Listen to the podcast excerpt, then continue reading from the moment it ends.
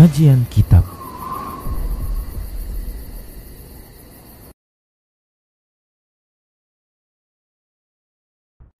Assalamualaikum warahmatullahi wabarakatuh. Innal hamdalillah nahmaduhu wa nasta'inuhu wa nastaghfiruh wa na'udzu billahi min shururi anfusina wa sayyiati a'malina. May yahdihillahu fahuwal muhtad wa may yudlil falan tajida lahu waliyyan mursyida asyhadu an la ilaha illallah wa asyhadu anna muhammadan abduhu wa rasuluh alladzi la nabiyya ba'dah wa qala Allah subhanahu wa ta'ala ya ayyuhalladzina amanu taqullaha haqqa tuqatih wa la tamutunna illa wa antum muslimun. Ya ayyuhalladzina amanu taqullaha wa qulu qawlan sadida yuslih lakum a'malakum wa yaghfir lakum dhunubakum wa may yuti'illaha wa rasulahu faqad faza fawzan 'azima Ya ayuhan nasu taqu rabbakumul ladzi khalaqakum min nafsin wahidah wa khalaqa minha zawjaha wa batha minhuma rijalan katsiran wa nisaa'a wattaqullaha alladzi tasaaluna bihi wal arham إن الله كان عليكم رقيبا أما بعد أصدق الحديث كتاب الله وخير الهدي هدي محمد صلى الله عليه وسلم وشر الأمور محدثاتها وكل محدثة بدعة وكل بدعة ضلالة وكل ضلالة في النار akhwat rahimani Allah wa iyyakum. Kajian lalu kita telah bahas tentang bab linul kalam liwalidaih yaitu berucap lembut kepada ataupun di hadapan kedua orang tua. Linul kalam berbicara lembut termasuk dalamnya yaitu doa kepada kedua orang tua. Berbicara sopan santun kepada orang tua. Tidak menguatkan suara di hadapan orang tua dan menghormati pembicaraan orang tua. Ini seluruhnya termasuk dalam kategori linul kalam, yaitu bersikap lembut, berbicara lembut kepada kedua orang tua. Kemudian Ikhofiddin penulis menyebutkan kisah tentang Taisalah bin Ayyas, Taisalah bin Mayyas, atau Taisalah bin Ali, yang dia tadinya adalah orang yang memahami pemahaman yang memiliki pemahaman khawarij, yang mengkafirkan kaum muslimin yang melaksanakan ataupun yang melakukan dosa besar. Tapi dengan taufik Allah Subhanahu wa taala, dia bertanya kepada orang yang tepat yaitu Abdullah bin Umar. Kisah ini persis seperti kisah Yazid Al-Faqir.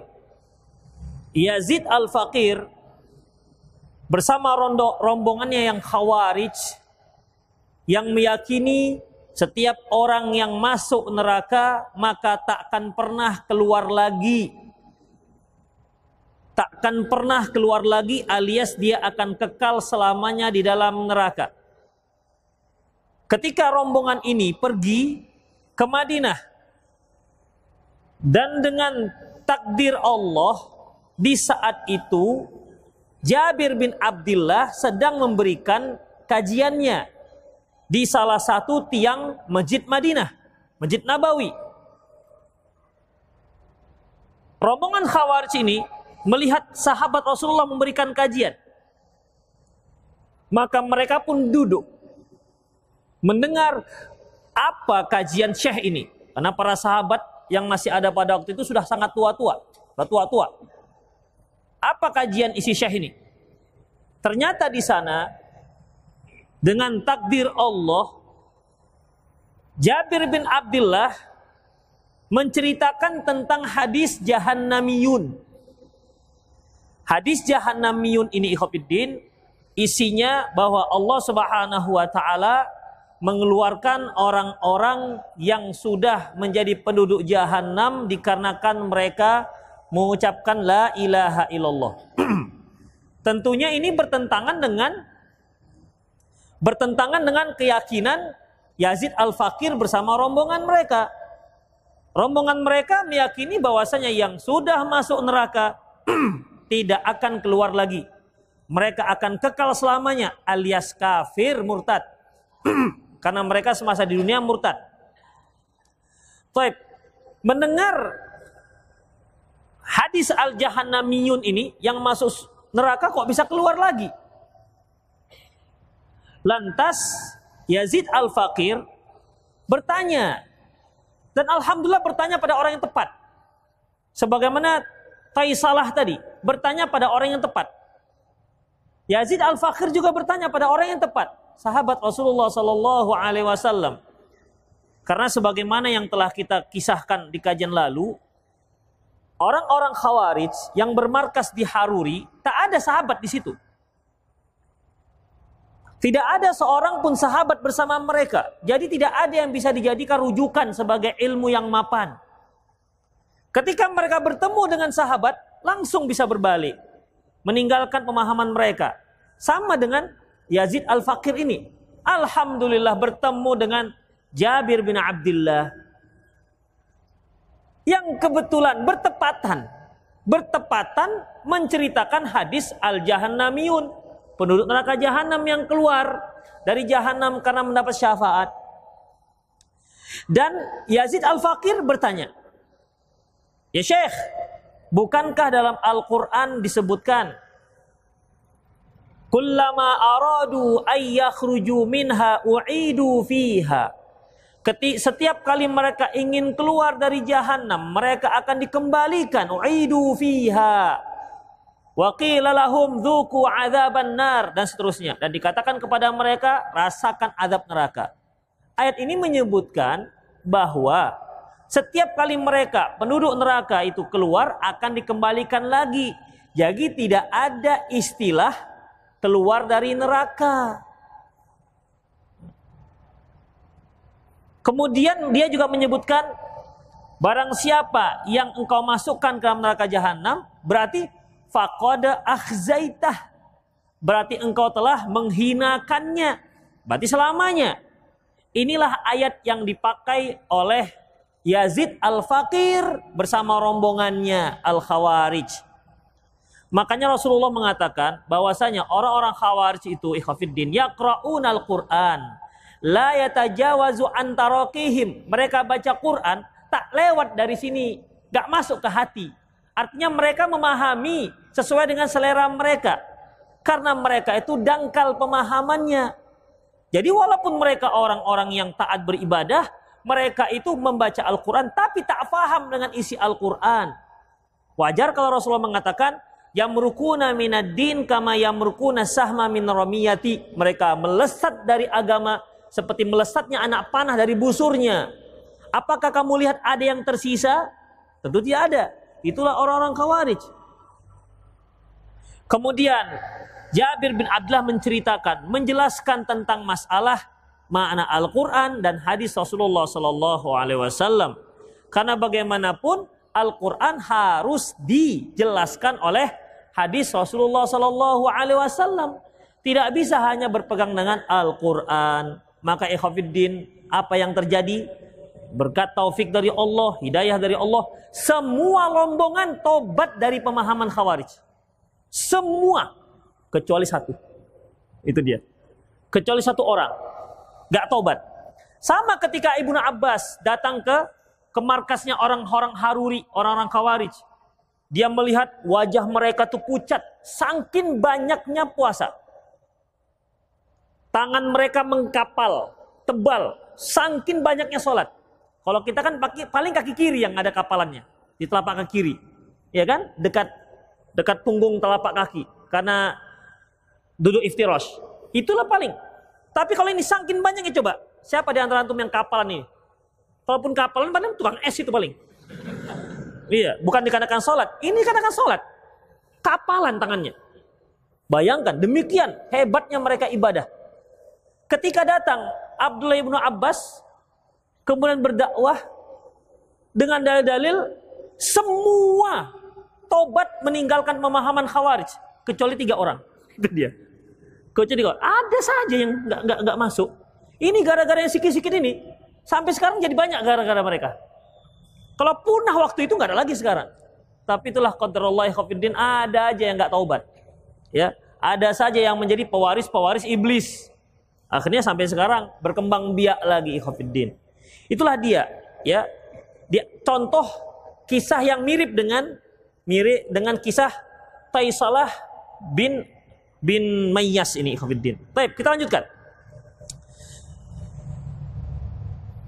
Babul jazail walidain. Bab membalas kedua orang tua. Membalas jasa kedua orang tua. Qala musannif rahimahullah. Berkata penulis rahimahullah. Siapa penulisnya? Imam Al-Bukhari. Babul jaza al-walidain. Bab membalas membalas jasa orang tua. An Abi Hurairah radhiyallahu an. Dari Abi Hurairah radhiyallahu an anin Nabi sallallahu alaihi wasallam dari Nabi sallallahu alaihi wasallam qol beliau bersabda la yajzi'ul waladun walidahu illa ayyajidahu mamlukan fayashtariyahu fayu'tiqahu bahwasanya seorang anak tidak akan bisa membalas jasa walidahu ayahnya kecuali jika dia melihat ayahnya statusnya sebagai budak, lantas dia beli, kemudian dia merdekakan. Tidak akan tidak akan bisa seorang anak membalas jasa orang tuanya kecuali kalau dia lihat orang tuanya hamba sahaya itu dek dek jatuh nanti tuh itu siapa orang tuanya? Baik, apa tadi? orang tuanya, atau ujungnya aja orang tuanya. Tidak akan dapat seorang anak membalas jasa orang tuanya kecuali kalau dia lihat orang tuanya itu statusnya sebagai hamba, lantas dia beli dan dia merdekakan. Kalau seperti ini, bisa dia membalas jasa kedua orang tuanya. Berarti Khafidin untuk seperti kita sekarang ini tak ada seorang anak pun yang bisa membalas jasa kedua orang tuanya. Kenapa? Tidak ada orang tua yang sekarang status sebagai hamba sahaya atau budak. Tidak ada. Ya. Jadi kalau Rasulullah Sallallahu Alaihi Wasallam, Rasulullah Sallallahu Alaihi Wasallam bersabda, la yajzi'u waladun walidah. Bahwasanya seorang anak tidak akan dapat membalas jasa walidahu itu artinya ayahnya. Penyebutan ayah di sini ikhafiddin bukan berarti kalau ibunya bisa, enggak.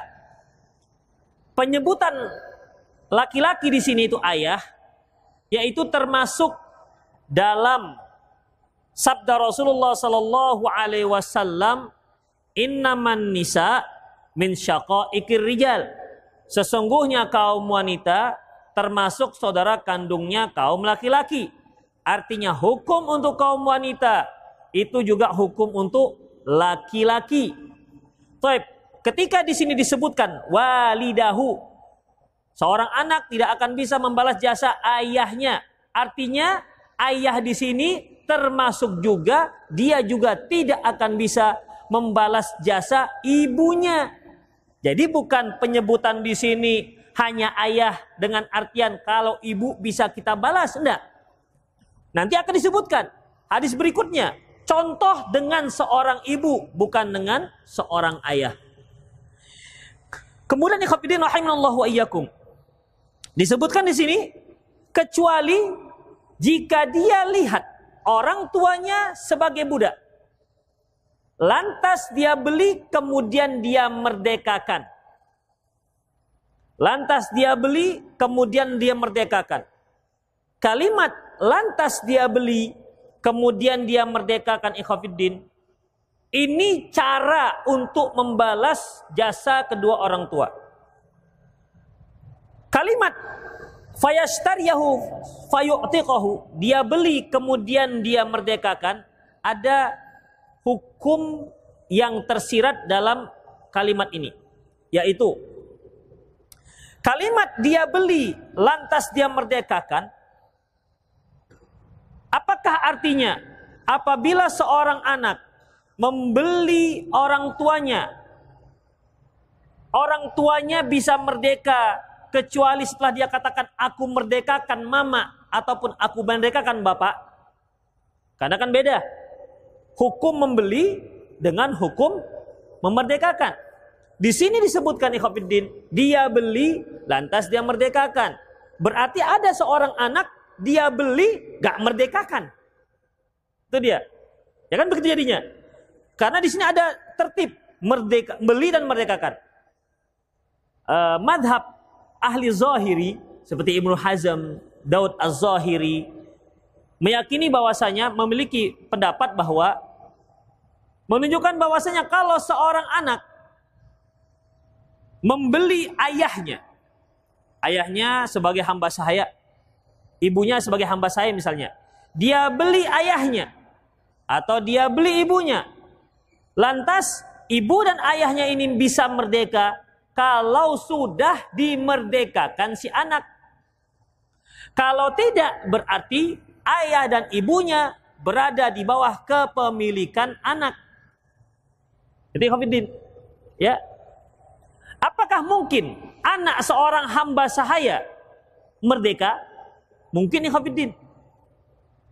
Apabila seorang hamba sahaya perempuan dia dimiliki oleh seorang laki-laki lantas digauli oleh laki-laki ini yang merdeka ini ya yang merdeka karena seorang laki-laki merdeka ketika dia memiliki hamba saya perempuan nggak perlu dia nikahi nggak perlu dia akad dengan membeli, dia sudah halal bagi si laki-laki tersebut. Dan antum tidak usah kepingin punya hamba sahaya. Nikah aja. Jangan bayang-bayangkan, enak juga ya. Payah nih yang belum-belum nikah ini susah ini. Harus dijelas-jelaskan ini. Jadi, Khafiddin, ketika dia membeli, ya punya seorang hamba saya wanita, dia gauli dan lahirlah seorang anak, lahirlah seorang anak, anaknya ini ikut nasab ayahnya, bukan ibunya. Anaknya merdeka jadinya. Ya, anaknya jadi merdeka. Dan apabila si tuan meninggal, barulah si perempuan hamba sahaya lagi menjadi merdeka. Itu aturannya. Ya. Jadi bisa saja ketika lahir si anak, kemudian si ayah, si anak, anak si ayah dan si anak menjual ibunya kan bisa aja. Demikian. Kemudian ikhwafiddin setelah itu mungkin si anak membeli orang tuanya. Jadi madhab zahiri mengatakan karena di sini fayashtariyahu fayu'tiqahu ya dia membeli kemudian dia merdekakan.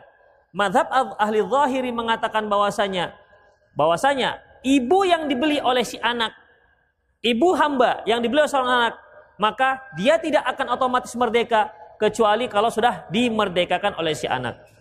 Namun jamahirul ulama hanya saja jumhur para ulama menegaskan bahwasanya apabila seorang anak membeli hamba sahaya yang dia adalah ibunya, begitu dia beli sudah otomatis tuh ibu menjadi merdeka walaupun tanpa niat dimerdekakan oleh si anak.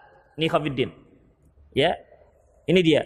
Adapun kalimat fayashtariyahu fayu'tiqahu dia beli kemudian dia merdekakan ini maksudnya Ikhafiddin suatu paket yang menyebutkan bahwasanya dia akan membalas oleh dibalas oleh uh, jasa tersebut si anak sudah membalas jasa si ibu demikian Ikhafiddin jadi dia beli sudah otomatis dia merdekakan.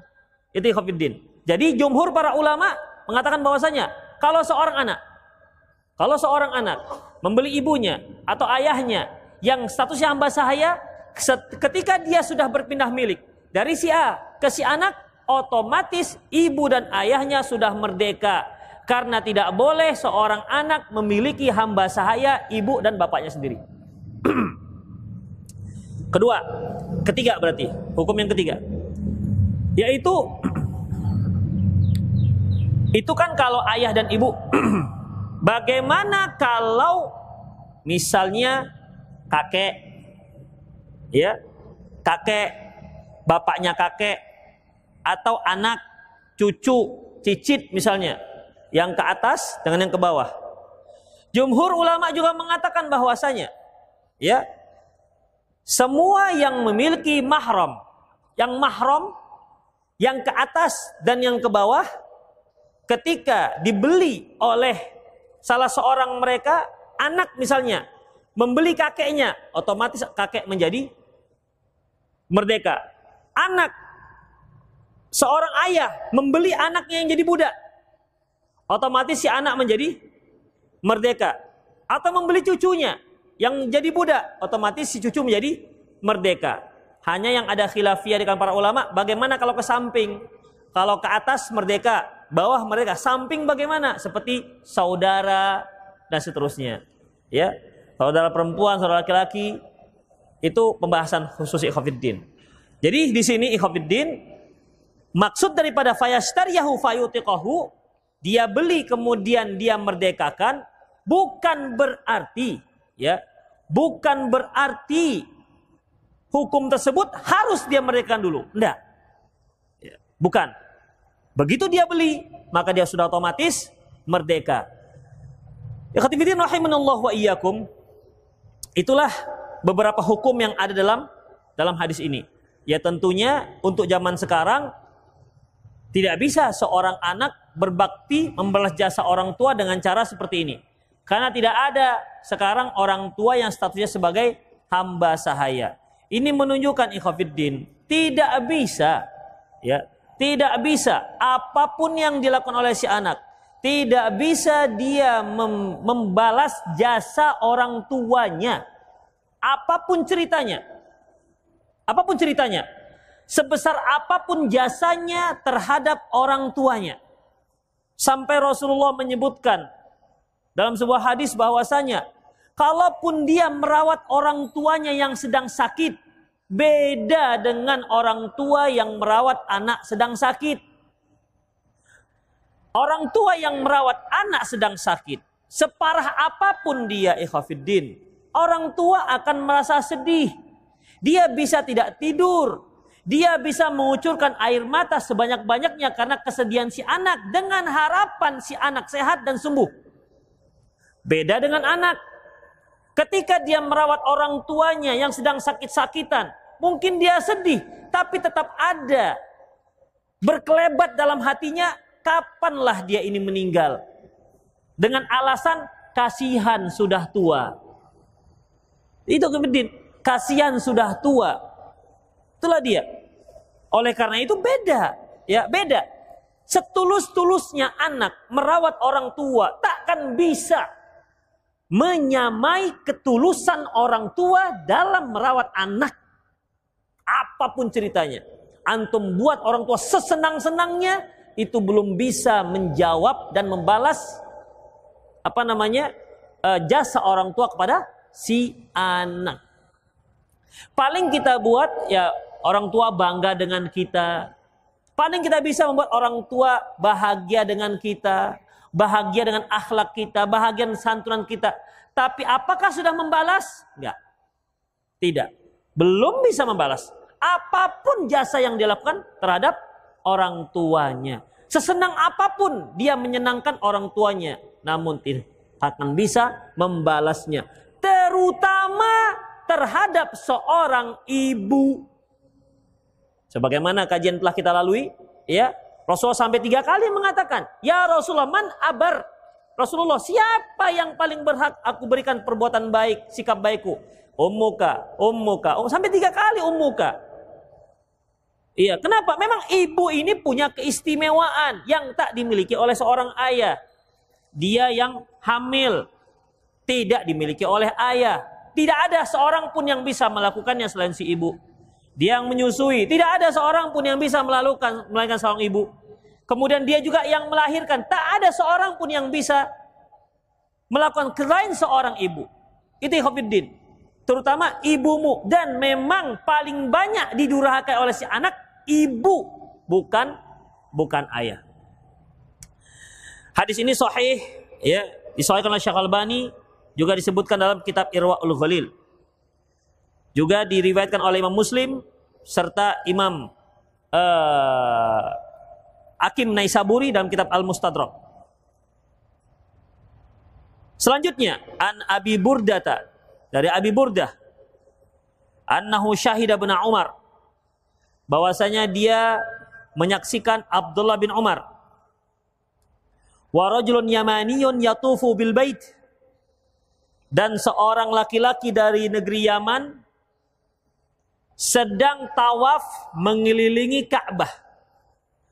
Hamla ummahu wara'a dhahrih sambil menggendong ibunya di belakang sambil menggendong ibunya di punggungnya. Jadi di belakang dia sambil menggendong ibu, gendong punggung. Yakul sambil mengatakan, Masya Allah. Sambil bersyair ikhwafiddin. Dia sambil tawaf, gendong belakang ibunya, sambil mengucapkan sebuah syair. Apa dia?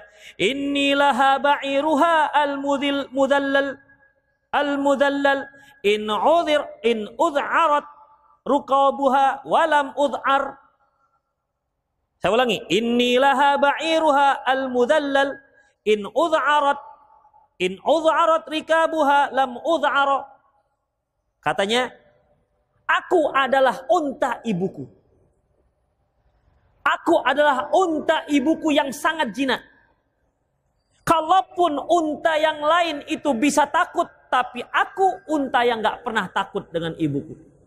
Kalau unta kan masih bisa dia mungkin lompat-lompat, mungkin lari. Tapi kalau aku unta yang takkan pernah takut, jadi sangat jinak. Jadi dari sini kan dapat diambil ikhafidin. Ini orang menggendong ibunya itu bukan terpaksa. Enggak terpaksa dia. Sambil dia mengucapkan malah bangga, saya adalah unta ibuku. Kalau unta yang lain masih mau dia meronta-ronta, tapi kalau aku unta yang sangat jinak, nggak pernah rasa takut. Itulah yang dia ucapkan ikhafidin. Ya, yang dia ucapkan sambil menggendong ibunya tawaf di Ka'bah. Baik. Di saat itu dia ketemu Abdullah bin Umar yang juga sedang tawaf. Dia katakan, "Qala ya Ibnu Umar, wahai Ibnu Umar, aturani jazaituha?" Wahai Ibnu Umar, apakah menurutmu aku sudah membalas jasa ibuku? Karena kan dibawa gendong, gendong ikhofiddin. Bukan pakai kereta sorong, bukan. Bukan pakai kereta apa nama kursi roda enggak. Ini kasur roda pun udah merepet lama kali mama nih. Asik dia yang kurus, awak mau begini begitu, begini begitu. Ya, ini gendong dia nggak tanggung. Ya, menggendong. Kadang-kadang ikhafidin jamaah namanya juga orang tua kan ditinggal dengan anaknya. Kenapa? Karena kalau emak harus disorong dari hotel ke Haram terus dorong dorong terus dorong. Kadang-kadang nggak boleh masuk ya kan? Kalaupun boleh itu ke atas, naiknya ke atas memang berat. Begitulah orang tua. Iya, akhirnya mak, mama tinggal aja ya lah ya mak ya. Akhirnya begitu Khofiddin. Ini digendong dengan dia maknya. Kita nggak tahu juga ini maknya ini gimana, apakah tinggi besar, apakah ringan, apa kecil Allah alam yang jelas dia menggendong maknya. Coba siapa di antara antum yang pernah gendong maknya? Tunjuk tangan. Siapa di antum yang nggak pernah digendong mamanya? Gak ada juga kan? Gak ada yang pernah digendong, gak ada yang pernah mengendong mamanya, dan juga gak ada di antara kita nggak pernah digendong mamanya. Berarti kan mama semua yang betul, mama semua yang menang. Kita yang kalah terus. Gak bisa memberikan jasa. Baik. Dia tanya, ya Abdullah bin Umar. Ya Abdullah bin Umar. Kamu lihat saya gendong mama saya nih. Ibu saya saya gendong. Tawaf. Menurut Anda, ini sudah membalas jasanya enggak? Itu Ikhwanuddin. Ini juga menunjukkan keikhlasan si anak. Ini kira-kira bisa nggak membalas jasa gitu. Ya. Dia si anak ini ingin mengetahui apa kira-kira yang bisa membalas jasa ibuku. Makanya ditanya. Kalau belum bisa, berarti aku harus berbuat lebih lagi. Ya, lebih lagi. Jadi dia bertanya kepada Abdullah bin Umar. Ini enggak cuman ngasih sarapan ibu bubur rasanya sudah macam ha, sudah membalas jasa sudah, sudah hebat. Itu pun pakai bentak-bentak lagi. Mama makan lama. Nanti mama sakit. Memang tujuannya bagus, tapi bentaknya itu enggak enak. Makan, mak. Itu Khofiddin. Ya, tujuannya baik, tapi bentak-bentaknya itu yang orang tua membuat menjadi ngelongso. Kasihan Ikhofiddin. Jadi Ikhofiddin, begitulah ya.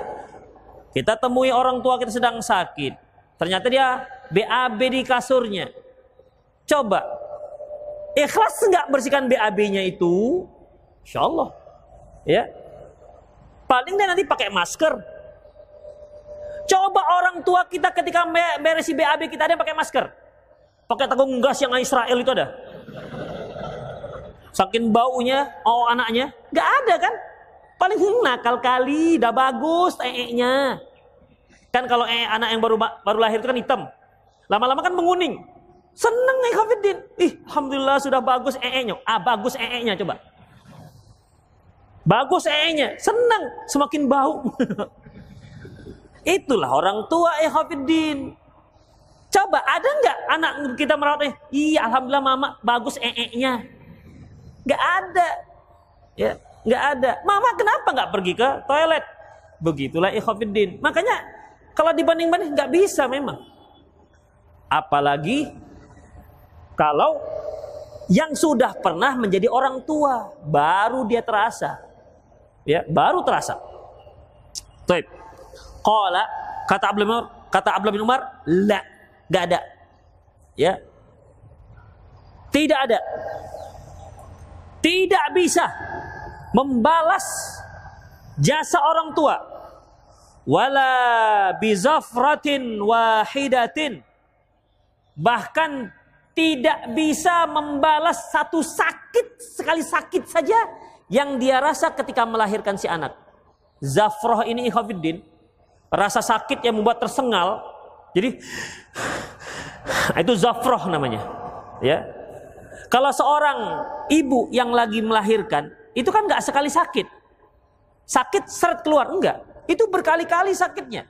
Mungkin bisa satu hari sebelum sudah berkontraksi sakit, kemudian dia sakit begitu berkali-kali. Makanya kalau sudah mau melahirkan biasanya pembicaranya bicara buka. Buka berapa, buka berapa, buka berapa gitu biasanya. Ya, tahu lah kan main buka-buka itu maksudnya? Bukan buka pik, nggak tahu. Masya Allah. Nanti pulang tanya mama, mak buka-buka kata Ustaz apa itu? Udah. Jadi Khofiddin bahkan sekali sakit saja yang dia rasakan di saat melahirkan itu belum bisa membalas jasa ibumu. Dalam hadis yang lain ada bahasanya ikhwafiddin. Ya, ayo luka, eh luka, eh gelandangan gitulah kalau bahasa kita. Wala talqatan wahidan, bahkan satu sakit saja tidak tidak bisa dia balas. Satu saja, berapa rasa sakit yang dia yang dia rasakan. Ya, berapa kali rasa sakit yang dia rasakan ikhwafiddin rahimani Allah wa iyyakum. Tapi anehnya, itulah ibu itu yang begitu Ikhwanuddin. Anehnya, mungkin ada kaum wanita yang habis melahirkan dia tobatlah saya nggak melahirkan lagi. Kenapa sakitnya luar biasa, Mak? Gitu kan. Mungkin ketemu ibu-ibu yang mengunjungi gimana ukti, namanya istri muda kan. Gimana nggak maulah lagi melahirkan, sakit. Itu dia. Coba nanti setengah tahun lagi. Coba setengah tahun lagi. Atau anaknya sudah berusia tahun atau dua tahun. Minta lagi, bang, yuk percetakan baru. Itu Ikhwanuddin. Ya tetap saja. Itulah coba Ikhwanuddin. Kan menunjukkan memang nggak bisa. Memang memang itu fitrah seorang wanita nggak bisa. Kalau ayah siap-siap aja. satu, dua, tiga, empat pabriknya siap saja standby terus selagi dia mampu. Ya, tapi kan tetap yang namanya sakit-sakit itu kan ke seorang istri ataupun seorang ibu. Makanya nih para para suami itu disayang-sayang tuh istri, ya. Kalau sakit tanya kenapa dik sakit, gitu tanya. Istri itu kalau ditanya perhatian dikit saja kita sudah sudah menghilangkan seperempat rasa sakitnya. Yang tiga perempat lagi belikan makanan, hilang loh. Ajak makan hilang insya Allah. Itu khafiddin. Ya. Jadi para suami perhatikan itu. Kasihan tuh para istri kalau asik dibentak-bentak terus. Disayang-sayang tuh istri ya. Carinya dah susah, dapatnya pun satu.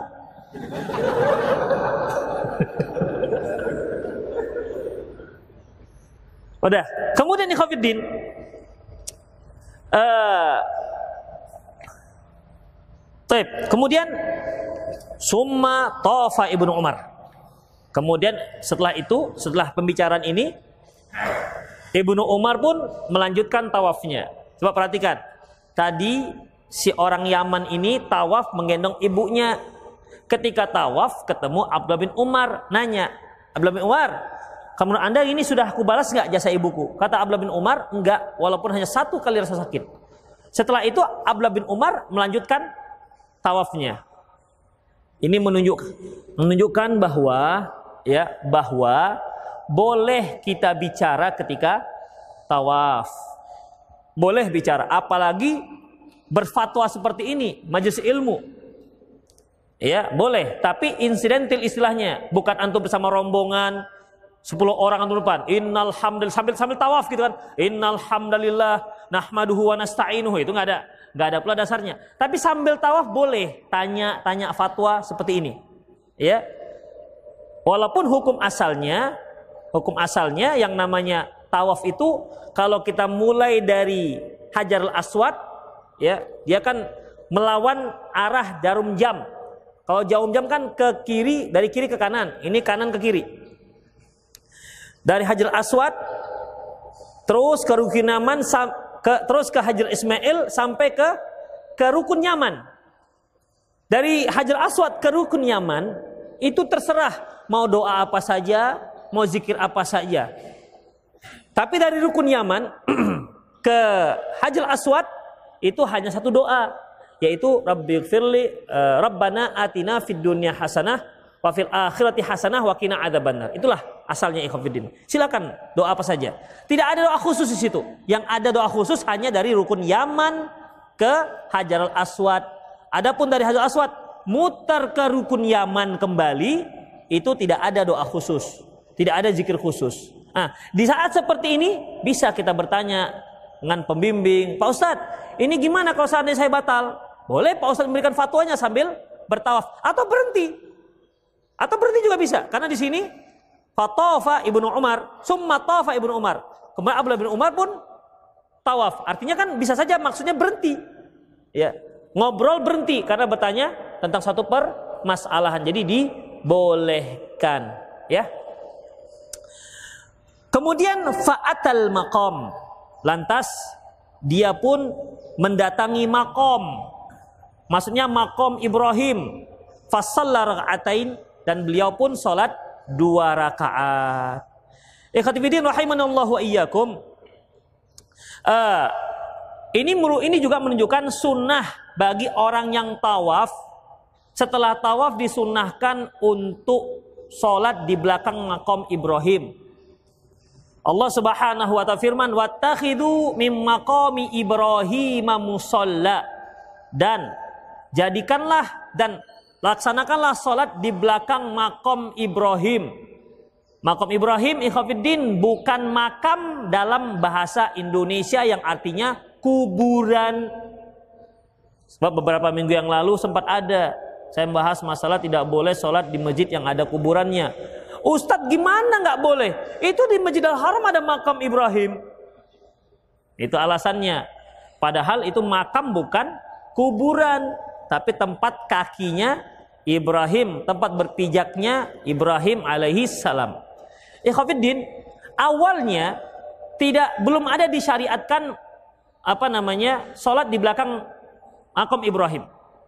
Kisahnya awalnya Ikhofiddin, terjadi pada uh, Umar bin Khattab radhiyallahu anhu dari Anas bin Malik qala kata Umar bin Khattab wafaqtullah fi thalathin Aku mendapat taufik dari Allah untuk tiga hal.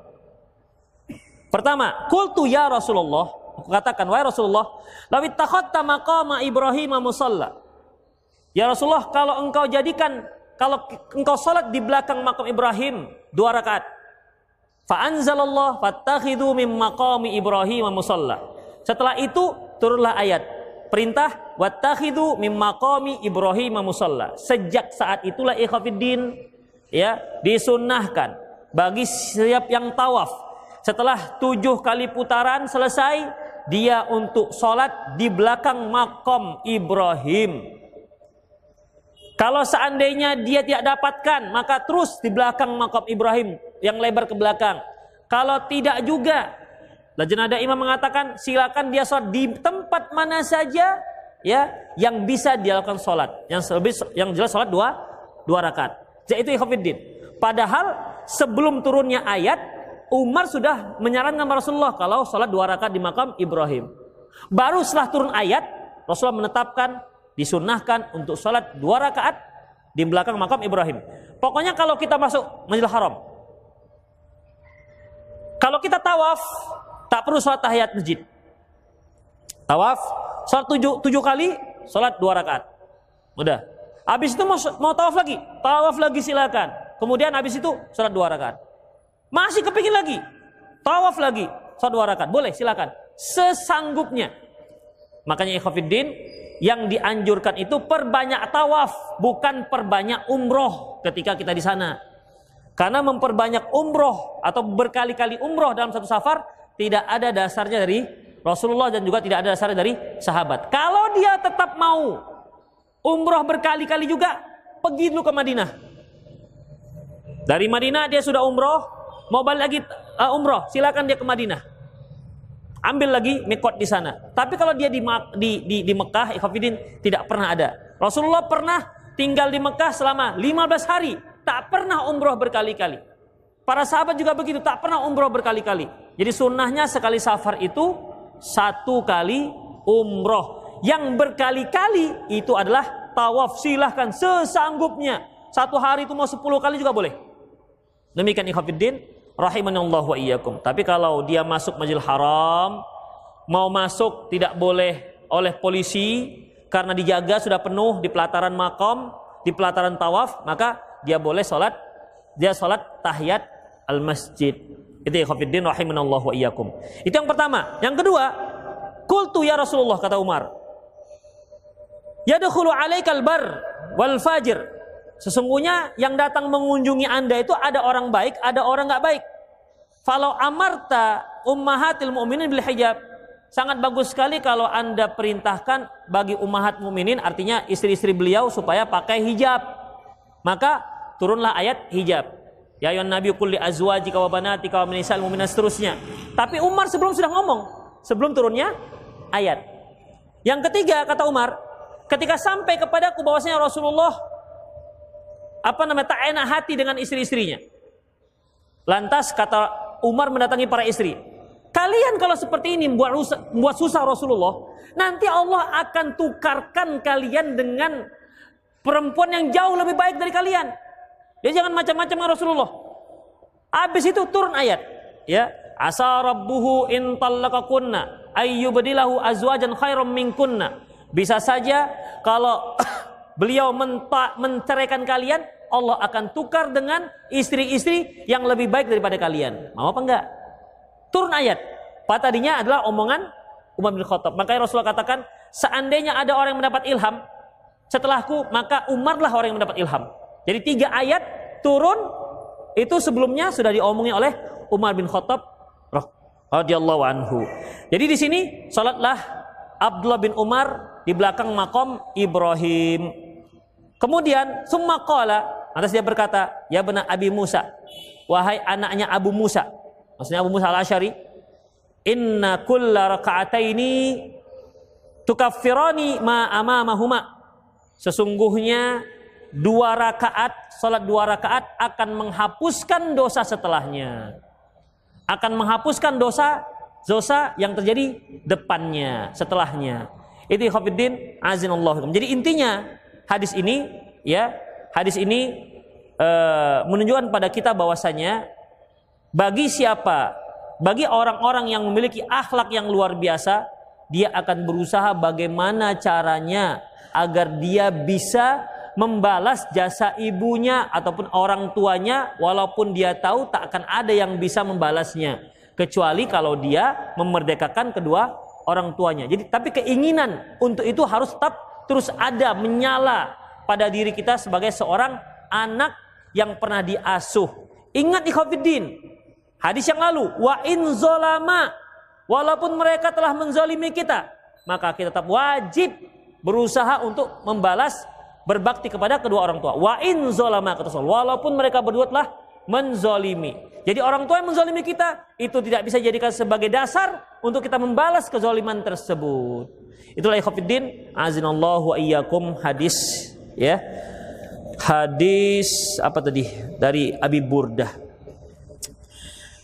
Ya, cukup semoga bermanfaat. Aku lu qauli hadza wa astaghfirullah li wa lakum wa muslimin innahu ghafurur Silakan jika ada di antara antum yang bertanya. Fadhol.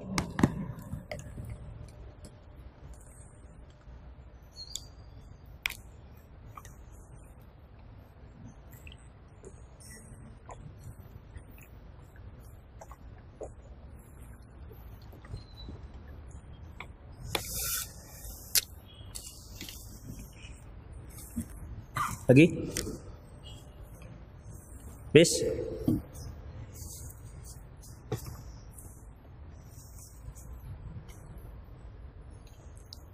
Ya, 15 detik lagi. Nanti banyak sekali di sini. Udah ini dulu ya. Yuk. Iya, iya. Udah, taruh sini dulu nih. Taruh sini dulu. Kloter kedua. Ustadz, saya mau bertanya, samakah kedudukan orang tua dan mertua dalam kita berbakti kepada mereka? Tidak sama. Ya, tidak sama. Orang tua tidak sama dengan mertua. Orang tua tidak sama dengan mertua. Kalau dia seorang anak laki-laki, maka dia tetap bertanggung jawab terhadap kedua orang tuanya. Baktinya kepada orang tuanya di atas dari yang lain dari kerabatnya. Kalau antara orang tua kandung dan mertua meminta bantuan kita sementara kita tidak bisa memberikan bersamaan sekali dua. Maka yang pertama dan yang wajib bagi kita orang tua terlebih dahulu. Apabila seorang istri mengetahui suaminya senantiasa mengirimkan uangnya, memberikan subsidi kepada ibunya ataupun ayahnya satu bulan sekian misalnya, maka berbahagialah Berarti suaminya seorang anak yang soleh. Dengan harapan semoga anaknya juga akan soleh seperti ayahnya. Namun bukan berarti kita mengabaikan mertua. Enggak. Mertua itu termasuk kerabat kita yang terdekat. Namun kalau dibandingkan orang tua tak sama. Makanya tidak bisa seorang istri protes dengan ucapan abang hanya memberikan orang tua abang saja sementara orang tuaku tak pernah abang beri. Ini keliru ucapannya. Suami tidak berwajib menyantuni mertua, beda dengan orang tuanya. Ya, beda dengan orang tuanya. Demikian ikhwatiddin. Jadi harus tahu posisinya. Ya, tentunya kalau si suami bisa menyantuni kedua-duanya, tentu itu akan lebih afdol. Itu ikhwatiddin. Ya, jadi nggak sama antara mertua dengan orang tua. Orang tua yang dimaksud orang tua kandung. Ingat. Ya. Orang tua yang dimaksud orang tua kandung, bukan tiri. Kalau tiri itu sama seperti kerabat-kerabat yang lain. Bagaimana pendapat Ustadz tentang LDDI, Lembaga Dakwah Islam Indonesia? Ikhwafiddin rahimani Allah wa iyyakum. Kalau berita terakhir Allahu alam nggak tahu karena saya lihat para jamaah-jamaah begini itu ada perbaikan-perbaikan setelah ada kritikan-kritikan, kemudian hadis-hadis, itu ada kritik, ada kebaikan, ada mulai bagus. Ya, saya masih ingat lagi jamaah tablik dahulunya main gulung kaki. Sekarang sudah potong. Itu ikhwatiddin. Ya, artinya ada mulai kebaikan-kebaikan. Jamaat uh, Hizbut Tahrir juga gitu. Awal-awal dulu ikhwatiddin, Hizbut Tahrir jelas mengingkari adanya malaikat. Sebelum resmi muncul itu zaman Soeharto. Makanya di Universitas Surabaya itu sudah ada nama Hizbut Tahrir. Tapi kan lama-lama belajar belajar demikian ikhwatiddin. Taib. Semoga mereka akan terus lebih baik dan berpijak di atas manhaj salaf. LDI kalau yang cerita-ceritanya yang namanya apa namanya me, mencuci kalau kita sholat di masjidnya begitu-begitu. Saya pernah sholat, saya lihat nggak dicuci juga, nggak ada dicuci. Kan ada di sini juga ada di jalan Asoka, tahu jalan Asoka ujung, yang simpang simpang jalan apa namanya, yang ke arah Asam Kumbang, ujung itu ada sebelah kanan. Kalau kita dari dari ring road, ada itu. Saya pernah sholat di situ. Ya, tengok nggak juga nya di diusap-usap. Tapi khafidin rahimallahu wa iyyakum, yang seperti ini bisa masuk pada hizbiyah. Kenapa? Karena dia mengelompok. Mengelompok dan dia tidak berbaur dengan kaum muslimin. Hanya di antara mereka-mereka saja ada ketuanya dan harus taat dengan ketua. Sementara dalam Islam yang harus taat itu bukan ketua, tetapi kepada pemerintah. Ini Khafiddin. Kalau masing-masing kita nanti taat kepada ketua, misalnya Antum mengangkat saya sebagai ketua, amir antum. Kalau sudah amir, apa yang saya katakan antum harus ikut selama tidak bertentangan syariat. Belikan saya roti, antum jadi wajib. Benar. Karena bertentangan dengan syariat beli roti. Enggak. Dia jadi jadi wajib. Itu Hafiddin. Kalau apa kalau sudah bayat itu begitu. Dia jadi wajib. Pokoknya yang tidak bertentangan dia jadi wajib. Tapi kalau jangan kamu sholat, ah, boleh. Kenapa? Itu kalau yang dikatakan amir, harus taat selama tidak tidak menyalahi syariat begitu. Tapi dalam akidah Ahlussunnah wal Jamaah taat seperti ini hanya ditujukan kepada pemerintah, bukan amir-amir ataupun ketua-ketua jamaah. Itu dia. Allahu alam bisawab. Ustadz, bagaimana cara melembutkan hati kita terhadap orang tua agar kita bisa sabar terhadap semua keadaan ketika bersama orang tua walaupun hanya ngedumel dalam hati. Itulah ikhafiddin yang namanya cobaan. Itulah cobaan kita. Gak kan mungkin Allah mengatakan mengatakan bahwa orang tua itu merupakan pintu surga yang bagian tengah. Kecuali pasti ini suatu hal yang sulit. Al jaza ma'al jinsil amal. Yang namanya ganjaran sesuai dengan amalannya. Ini pasti sulit ikhafidin. Kenapa? Gedumel itu tetap ada. Apalagi kalau dengan ibu, cerewetnya luar biasa. Itu dia ikhafidin. Jadi bagaimana? Ya sabar. Sebagaimana mereka bisa sabar dengan kita, kita juga sabar dengan dia. Betapa sabarnya mereka menjaga kita. Betapa sabarnya mereka ceboin ompol kita, ceboin kita, buang air besar kita, dan mereka lakukan itu dengan sangat senang hati. Betapa sabarnya. Ya. Bahkan kalau kita bangun malam, kita sehat, senang dia. Padahal mereka, padahal kita bangun malam itu bukan karena sakit, karena lasa. Gak tidur kita malam, ya. Orang tua bangun gak tidur, senang. Kenapa? Yang penting anaknya sehat. Padahal gak tidur malam. Kan ada jenis anak ini, kalau sudah malam, main aja begitu, main aja. Ada, ya nggak tidur malam dia. Kalau siang tidur aja. Bukan berarti ada gen kampret. Memang ada jenis anak seperti itu. Demikian Ifabiddin. Ya. Jadi ya memang harus sabar. Ingat jasa mereka. Ingat hadis yang tadi. Ingat hadis yang tadi. Mereka meminta kita satu hal yang gak seberapa yang mereka inginkan. Mungkin hanya menyuruh kita masak nasi lah. Atau ikhwafiddin, antum yang sedang kuliah. Mereka itu ingin antum itu sukses dalam kuliahnya. Sehingga apa pun yang mereka jual di kampung sana, itu mereka rasakan ada balasannya. Jangan sudah pulang pergi dari kampung meninggalkan kampung, kuliah di USU, tiba di USU main ke internet aja. Ya, atau ada jenis yang lain yaitu asik sibuk organisasi aja kerjanya. Akhirnya apa? Enam tahun kuliah baru tamat kuliah, hampir di DO baru. Ada seperti itu. Nggak boleh. Itu amanah. Antum pulang pergi dari kampung ataupun orang tua melepas antum datang ke kampus itu amanah antum harus kuliah. Makanya Khafin kawan-kawan kita yang di UGM itu pintar-pintar luar biasa. Ya. Bukan dangak-dangak gitu cara mikirnya. Ya, bahasa mana dangak-dangak ya. Iya. Bukan pentium-pentium satu gitu enggak. Lama loadingnya, uh, muter-muter, begitu baru mikir. Enggak, pintar-pintar Ikhafiddin. Kenapa? Amanah. Karena orang pintar itu Ikhafiddin. Walaupun dia nggak cerdas, kalau dia amanah, insya Allah dia sungguh, sungguh dia akan menjadi pintar. Lah dia Ikhafiddin.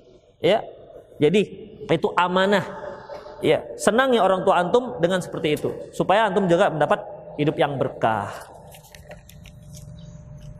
Apakah maksiat di 10 hari Zulhijjah lebih besar dosanya daripada buat kebajikan lebih besar Pak? Ikhafiddin Allah Subhanahu wa taala firman, "Inna iddatash syuhuri 'inda Allah 12 syahran fi kitabillahi yawma khalaqas samawati wal ard minha arba'atun hurum fala tadlimu fihinna anfusakum." Sesungguhnya jumlah bulan yang diciptakan yang ditetapkan Allah pada saat Allah menciptakan langit dan bumi yaitu selama banyak 12 bulan. Minha arba'atun hurum. Di antaranya ada 12, di antaranya di antara 12 bulan ini ada 4 bulan haram. Allah katakan fala tadlimu fihinna anfusakum. Jangan kalian menzolimi diri kalian pada bulan-bulan tersebut. Menzolimi diri ikhafiddin yaitu melakukan maksiat. Karena setiap maksiat yang kita lakukan itu artinya kita merugikan diri kita sendiri. Taib, Allah katakan jangan kalian menzolimi diri kalian di empat bulan ini.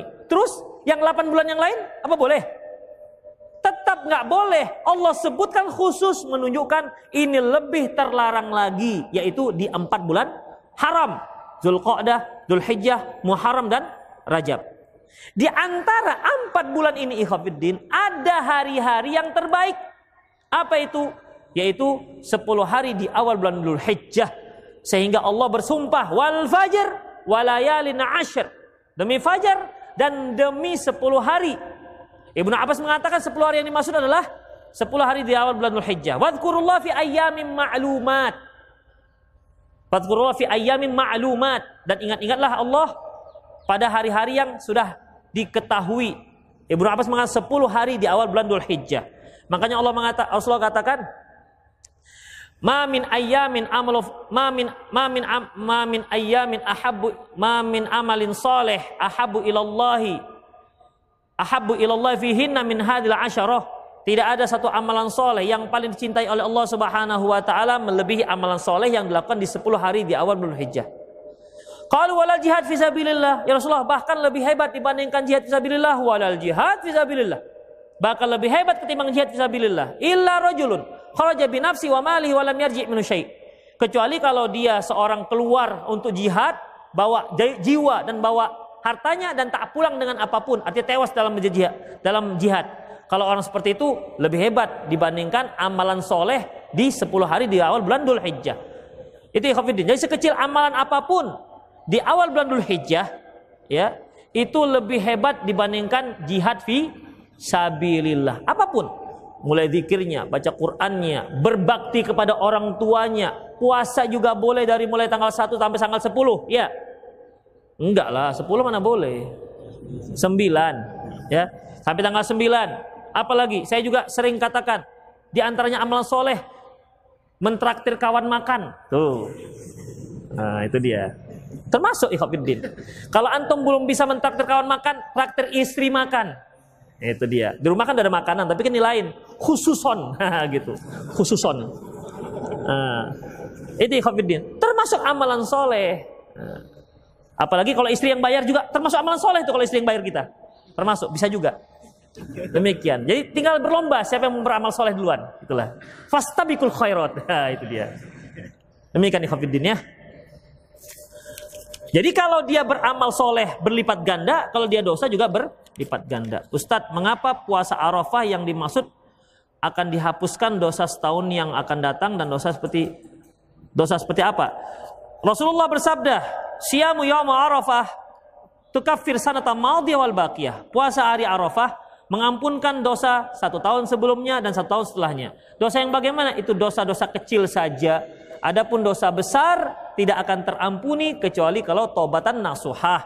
Dia pernah curi amplifier orang, hampir dibakar dia, tapi sempat lari misalnya. Ya. Sempat lari. Tobat dia, pulangkan tuh amplifier, tobat nasuah baru di baru terima doa tobatnya. Tapi kalau sekedar puasa Arafah, amanlah. Ampun dosanya ini. Amplifiernya masih dia gunakan untuk joget-joget misalnya. Tak bisa. Apakah sama hukum memakai jam dari besi dengan cincin dari besi? Beda. Jam dan besi itu beda. Ya. Jam itu berada di pergelangan tangan, cincin di jari. Jadi harus membedakan ya antara cincin dan jam.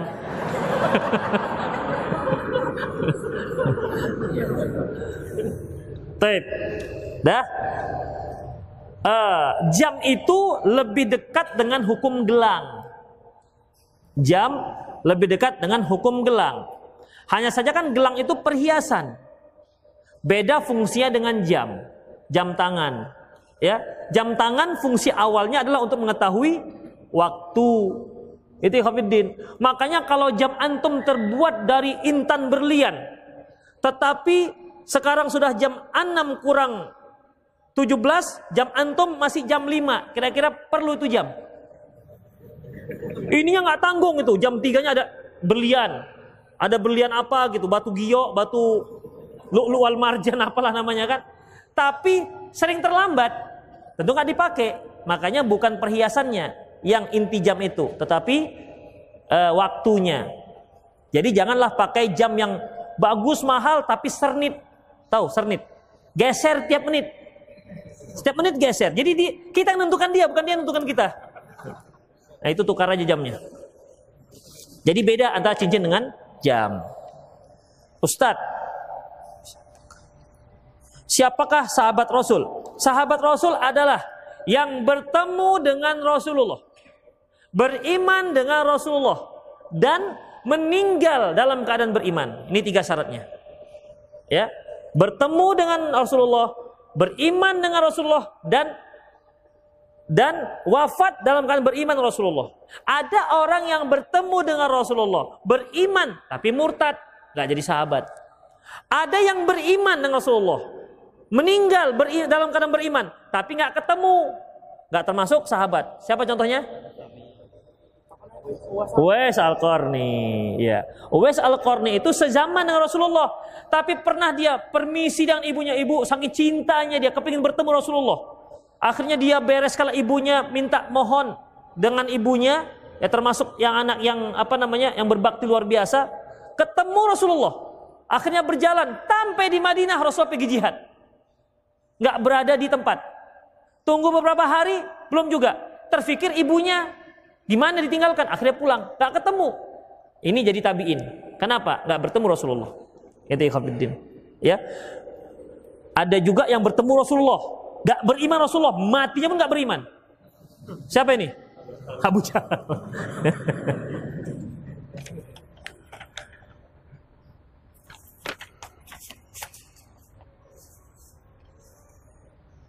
Ustadz, saya punya teman karena subhat takfiri. Dia adalah ikhwan salafin. Kok masih bisa ikhwan salafin dengan takfiri? Caranya untuk mengajaknya kembali kepada sunnah ikhwafiddin kalau antum tidak bisa me, me, langsung, berikan aja buku-buku. Bahaya-bahaya takfiri kan banyak sekali ikhafidin. Ya, bahaya-bahaya takfiri, bahaya khawarij. Karena ikhafidin sekarang kan nggak ada orang, saya takfiri loh, kan mana ada? Mana ada begitu? Dia nggak sadari. Ya, saya ini teroris loh, mana ada seperti itu? Ya, saya ini radikal loh, nggak ada. pasti dia merasa itu sebuah perjuangan yang harus diperjuangkan sampai titik darah penghabisan. Makanya perlu semangat itu kita kita apa namanya? Kita kita kita arahkan dengan memberikan buku-buku begitu. Ya Allah panjangnya. Assalamualaikum Ustaz. Teman saya punya hutang sama anak. Total hutangnya sekitar 10 juta. Jatuh tempo hutangnya sudah habis. Anak tagih ke beliau, beliau jawab belum punya uang. Anak kasih tempo waktu lagi dua bulan. Setelah dua bulan anak tagih, beliau jawab tunggu cair kredit uang dari bank. Beliau berhutang di bank riba untuk bayar hutang ke anak. Gimana Ustaz? Apakah uang harus anak terima? Karena anak tahu uang tersebut dari hutang riba. Lagi pula Ana sangat butuh uang untuk pembangunan rumah ibu Ana. Mohon penjelasan. Terima aja. Itu riba-riba dia. Capek bacanya aja.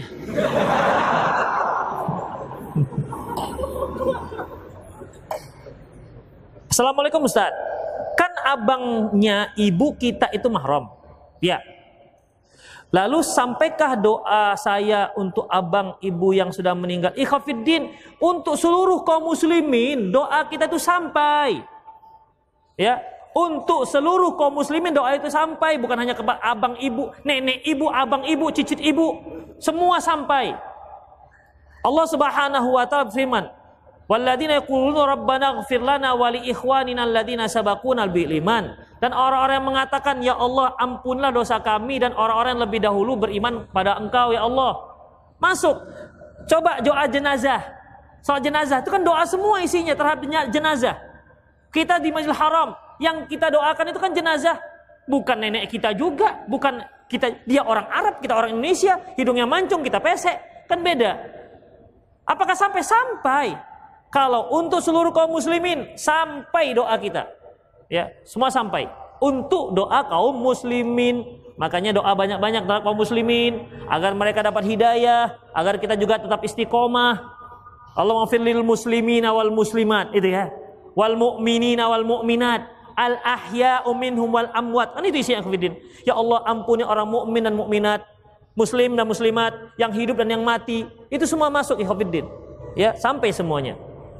Yang nggak boleh itu minta ampun untuk yang kafir baru nggak boleh. Ya, yang kafir nggak boleh. Rasulullah saja ketika dia berdoa kepada Allah untuk minta ampun untuk ibunya, Allah nggak terima.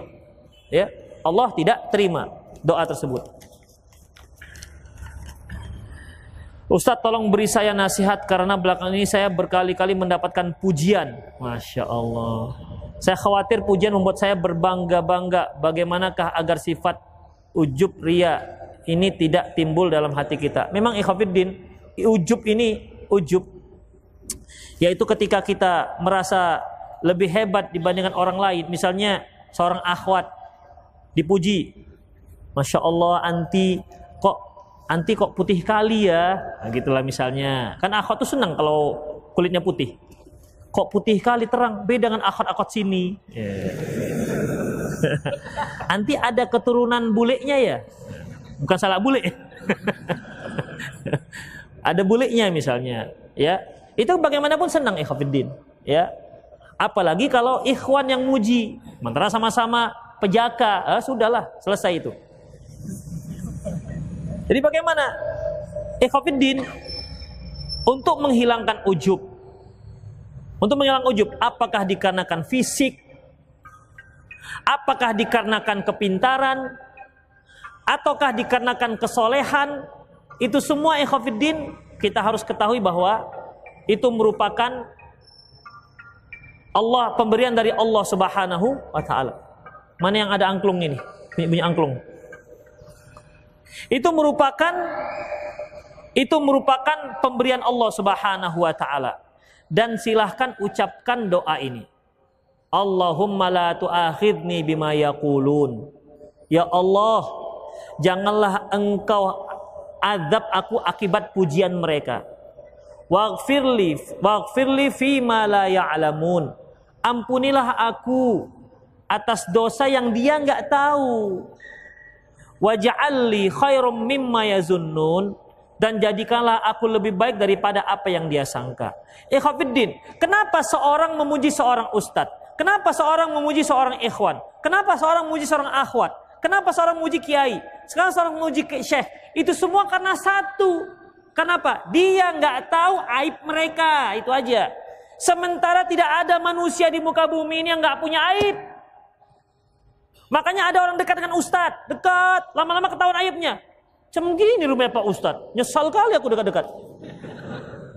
Kenapa? Baru ketahuan. Tadinya Masya Allah Ustadz hebat segala macam. Wow, wow, wow, wow. Macam lah. Kenapa? Belum tahu aib Pak Ustadz. Makanya Khofiddin, kalau kita ngambil uswah, jangan ambil uswah Pak Ustadz. Kecewa antum, kecewa. Ambil uswah langsung dari Rasulullah Sallallahu Alaihi Wasallam. Ya, anda bisa kecewa nanti. Demikian juga teman yang antum anggap sudah lama ngaji. Ya, antum puji-puji dia, masya Allah istiqomah segala macam. Cingkrangnya udah nggak tanggung sudah. Kadang-kadang bukan lagi setengah betis, sudah hampir bawah lutut udah. Saking naiknya, naik naik kurang tinggi kurang di bawah lutut sudah. Sudah melebihi. Hebat segala macam. Kenapa? Dia belum tahu aibnya ikhafiddin. Makanya ketika kita dipuji orang satu saja. Ingat kita dia itu belum tahu aib kita. Itu ikhafiddin. Kalau dia sudah tahu, jangan harap dia puji. Jangan harap. Makanya jangan terlalu bangga dengan pujian orang. Jangan. Ya. Nah, dan ikhafidin bertemalah dengan teman-teman yang selalu memberikan kita masukan, mengarahkan kita untuk yang baik. Bukan teman-teman untuk sama-sama makan. Banyak teman-teman kalau hanya untuk sama makan. Banyak sekali. Tapi teman sama-sama untuk watawasabil hak, watawasabil sabar itu yang sedikit sekali. Ketika kita salah, dia menyasihati kita. Itu yang sedikit ikhwafiddin. Tapi ketika makan dia ikut banyak. Iya banyak kalau yang itu. Ketika kita salah, ayo kita sholat. Kenapa antum nggak sholat sholat? Ayolah kita sholat. Itu baru teman namanya ikhwafiddin. Mengingatkan kita di saat kita terjerumus. Menyabarkan kita setiap di saat kita sedang terima musibah. Itu baru teman. Kalau kata Imam Syafi'i, kalau kalian punya teman yang soleh, dapat pegang dia. Jangan kalian lepas. Sebab teman seperti itu sudah langka. Ya, jangan lepas. Pegang dia. Itu ikhwatiddin, ya. Jadi jangan bangga dengan dengan pujian. Ingat, dia belum tahu apa aib kita. Sementara tak ada seorang pun yang punya yang nggak punya aib. Allahumma la tu'akhidni bima yaqulun waghfirli fi ma la ya'lamun waj'alni khairam mimma yazunnun. Pak Ustadz, imam sholat subuh di masjid daerah rumah saya baca doa kunut subuh setengah dikeraskan, sisanya disirkan. Apakah ada dalil? Tanya Pak Ustadz itulah. Kalau kalau dia yang mengatakan, dia yang melakukan, tanya dia, jangan tanya saya. Tapi kalau saya melakukan, tanyalah dalil dengan saya. Jadi jangan saya jadikan bemper itu imamnya. Saya sering di saya sering Aduh, nggak tahu. Dia pakai dulu kan ada tulisan steno gitu. Wih, masya Allah panjang. Kita baca zaman atau jawabannya singkat. Ustadz kakak saya punya anak laki-laki umur 13 tahun yang sekolah di pondok pesantren. Apabila keponakan saya itu mendapat izin pulang ke rumah, maka yang dilakukan di rumah adalah nonton sinetron, film barat atau film orang dewasa main PS, intinya kegiatannya tidak menunjukkan kalau dia anak pesantren. Ironisnya, kakak saya mendiamkannya saja tidak menasihati anaknya. Salat subuh di masjid pun anaknya susah dibangunkan sampai telat berjamaah. Pertanyaan, apakah anak tersebut atau anak kakak saya yang salah atau siapa yang berdosa di antara mereka? Aduh, nanya siapa yang berdosa? Ikhafiddin, perhatikan ya Ketika antum uh, pertama antum harus pahami pendidikan itu merupakan tanggung jawab orang tua. Itulah yang pertama. Adapun sekolah itu membantu ya apalagi ibu ibu itu madrasatul kubro ibu itu merupakan madrasah yang besar madrasah pertama untuk generasi kalau kalian Siapkan ibu yang baik berarti kalian sedang menyiapkan generasi yang terbaik. Makanya pilihlah calon-calon istri yang memang madrasah-madrasah yang kubro. madrasah yang terbaik. Kalau yang punya madrasahnya sudah mulai doyong, runtuh, tukar dengan madrasah yang lain. Kasihan itu anak ketimpa madrasah, ketimpa genteng. Makanya ikhwafiddin, kalau tuh madrasah tidak bisa diperbaiki, dia doyong, sudah di apa ganjal sana ganjal sini tapi bawaannya bawa doyong aja. Sudah daripada menimbulkan korban yang isinya orang belajar dalamnya rubuhkan. Ganti dengan yang lain. Iya, cari yang bataku. Jadi yang belajar di dalamnya itu, yang belajar dalamnya itu tenang. Demikian ikhwafiddin. Itulah makanya kita disuruh mencari istri yang solehah. Supaya madrasahnya itu bagus. Karena kita tuh sering di luar ikhwafiddin. Itu dia. Ya. Jadi itu yang pertama ikhwafiddin. Kemudian seperti menyuruh anak sholat itu kan awalnya tugas orang tua muru auladakum bis sholati wa hum fi sab'i perintahkan anak kalian sholat di saat mereka 10, usia 7 tahun wadribu 'alaiha wa hum asyra pukul dia di saat mereka sudah berusia 10 tahun itu orang tua demikian makanya ketika antum menyekolahkan anak ke pesantren jangan lepas tangan yang penting aku sudah memberikan ke pesantren. Uang masuk 20 juta. Sebulan 600 ribu. Aman, sudah. Lepas tangan. Ikhafidin, keliru. Ingat, ketika orang tua punya anak lima orang, dia kewalahan mendidik anaknya. Konon lagi di pesantren, satu orang tua, anak yang 40. Bisa diperhatikan satu-satu sebagaimana kita memperhatikan anak kita yang lima orang, yang empat orang, yang tiga orang, yang dua orang. Beda ya Khofiddin. Jadi nggak bisa disamakan antara didikan orang tua dengan didikan pesantren. Jadi kalau antum sudah menyekolahkan anak pesantren, tetap ada hubungan antara pesantren dan orang tua. Terus perhatikan, jangan-jangan pesantren yang antum masukkan itu nggak masalah, nggak sholat. Yang penting bisa bahasa Arab. Pulang masya Allah udah macam Abu Jahal aja dia. Kaifahalu tapi nggak sholat. Untuk apa? Ya, untuk apa gunanya kalau begitu? Mendingan mendingan dia nggak bisa bahasa Arab tapi dia sholat. Demikian ikhafidin, maka pilih-pilih juga pesantren. Kadang-kadang orang tua begitu, pulang anaknya sudah pakai bahasa Jerman, bahasa Inggris, bahasa Arab. Ya abadi ta'al. Oh, udah ngeri. Dia pun, what is my drink? Wah, udah nggak tangguh woi, dua bahasa anak aku Taunya, paling itu, itu aja taunya. Tapi orang sudah sudah bangga, ya. Nggak sholat nggak masalah. Makanya ikhwatiddin sekali lagi tanggung jawab pendidikan orang tua pesantren bantu. Kalaupun antum sudah masuk anak pesantren, terus dipantau dengan gurunya, terus komunikasi ini bagaimana anak saya.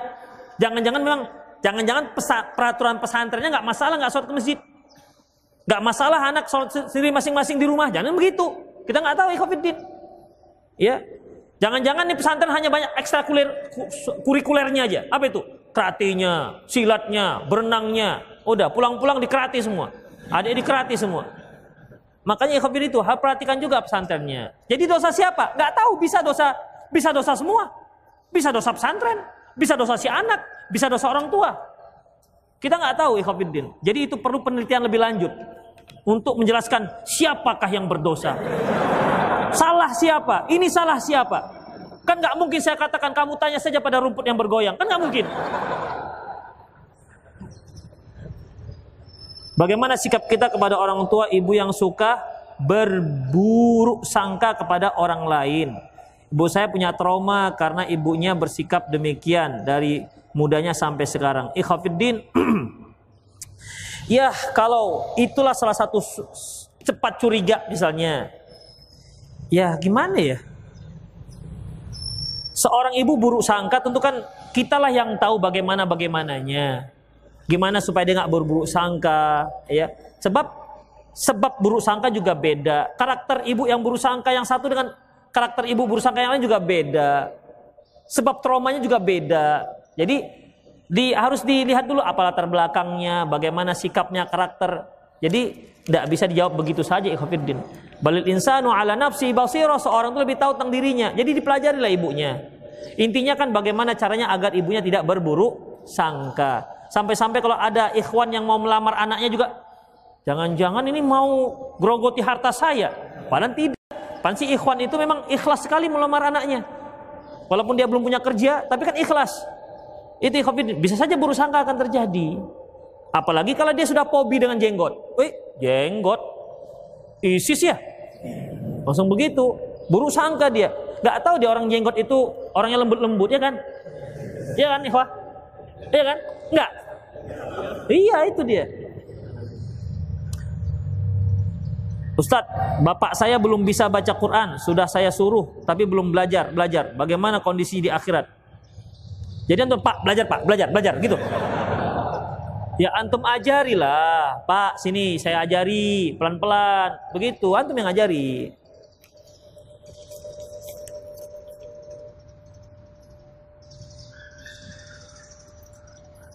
Udah habis waktunya. Ini dua, satu aja ya, yang dari yang banyak ini, yang kloter kedua ini. Yang kecil mana tuh? Nah, ini. Surat Ibrahim ayat 4, kami tidak mengutus seorang rasul kecuali dengan bahasa kaumnya. Nabi Isa bahasa apa ini? Aram. Apakah Injil itu bahasa Aram? Sudahlah, antum gak usah cerita masalah Injil lah. Quran aja udah, ya Allah. Injil sudah lewat bahasanya. Udah, udah lewat bahasanya. Uh, mengenai bahasa Injil, bahasa Ibrani. Gimana bahasanya? Saya juga nggak tahu. Ya, udah antum pelajari aja bahasa Arab, baca aja Al-Quran mengenai bagaimana sih sebenarnya bahasa Injil membuat saya gelisah Ustaz. Udah nggak usah gelisah. Biarkan saja. Udah. Ada yang lebih penting untuk antum pelajari. Udah. Saya nggak bisa Ustaz sholat kalau nggak bisa tahu. Itu namanya lebay bin alay. Udah nggak usah. Ada yang lebih penting untuk kita pelajari dibandingkan untuk itu semua. Wa ma arsalna wa ma arsalna rasul illa bilisani qaumin liyubayyina lahum. Itu artinya kami tidak utus satu kaum, satu rasul kepada satu kaum kecuali dengan bahasanya. Supaya apa? Supaya rasul ini bisa menjelaskan pada kaumnya. Makanya Khafir coba, saya buat ceramah. Kemudian saya pakai bahasa Padang. Para nini mama orang tua-tua, gimana antum bisa paham apa yang saya omongkan? Iya kan? Atau saya pakai bahasa Arab. Makanya Rasul itu diutus di kaumnya. Supaya apa? Bisa menjelaskan dengan bahasa kaumnya. Intinya supaya masuk hidayah. Ini juga salah satu manhaj dalam berdakwah. Berbicaralah hadisul kaum biqadri ukulihim. Bicaralah satu kaum dengan yang bisa mereka fahami. Ketika kita bicara misalnya, kemudian kita pakai bahasa ilmiah. Bahwa apa? Bahwa saya transmigrasi itu merupakan sebuah irigasi yang di mana reboisasi itu tidak begitu menganalisisi. Yang apa kata orang tahap Paling orang kata, hebat kali Ustadz ini. Bahasanya ilmiah semua. Terus mak maksudnya apa? Gak tahu, pokoknya hebat lah. Untuk apa gunanya? Ya, makanya pakailah bahasa yang mudah difahami. Gak usah pakai bahasa sisi-sisi itu. Gak usah. Ya pakailah bahasa yang difahami. Kecuali kalau antum berhadapan dengan mahasiswa yang memang terbiasa untuk apa namanya me, apa namanya menaikkan gengsi gitu kan ya kan Nanti kalau bahasanya bahasa kampung, remeh kali mereka lihat. Silakan, tidak apa-apa. Nah, demikian ikhwatiddin rahimanallahu wa iyyakum. Semoga apa yang kita bahas bermanfaat. Qulu qawli hadza wa astaghfirullah li wa lakum wal muslimin ghafurur rahim. Subhanakallahumma rabbana wa bihamdik asyhadu an la ilaha illa anta astaghfiruka wa atubu ilaik. Wa akhir da'wana alhamdulillahi rabbil alamin. Assalamualaikum warahmatullahi wabarakatuh.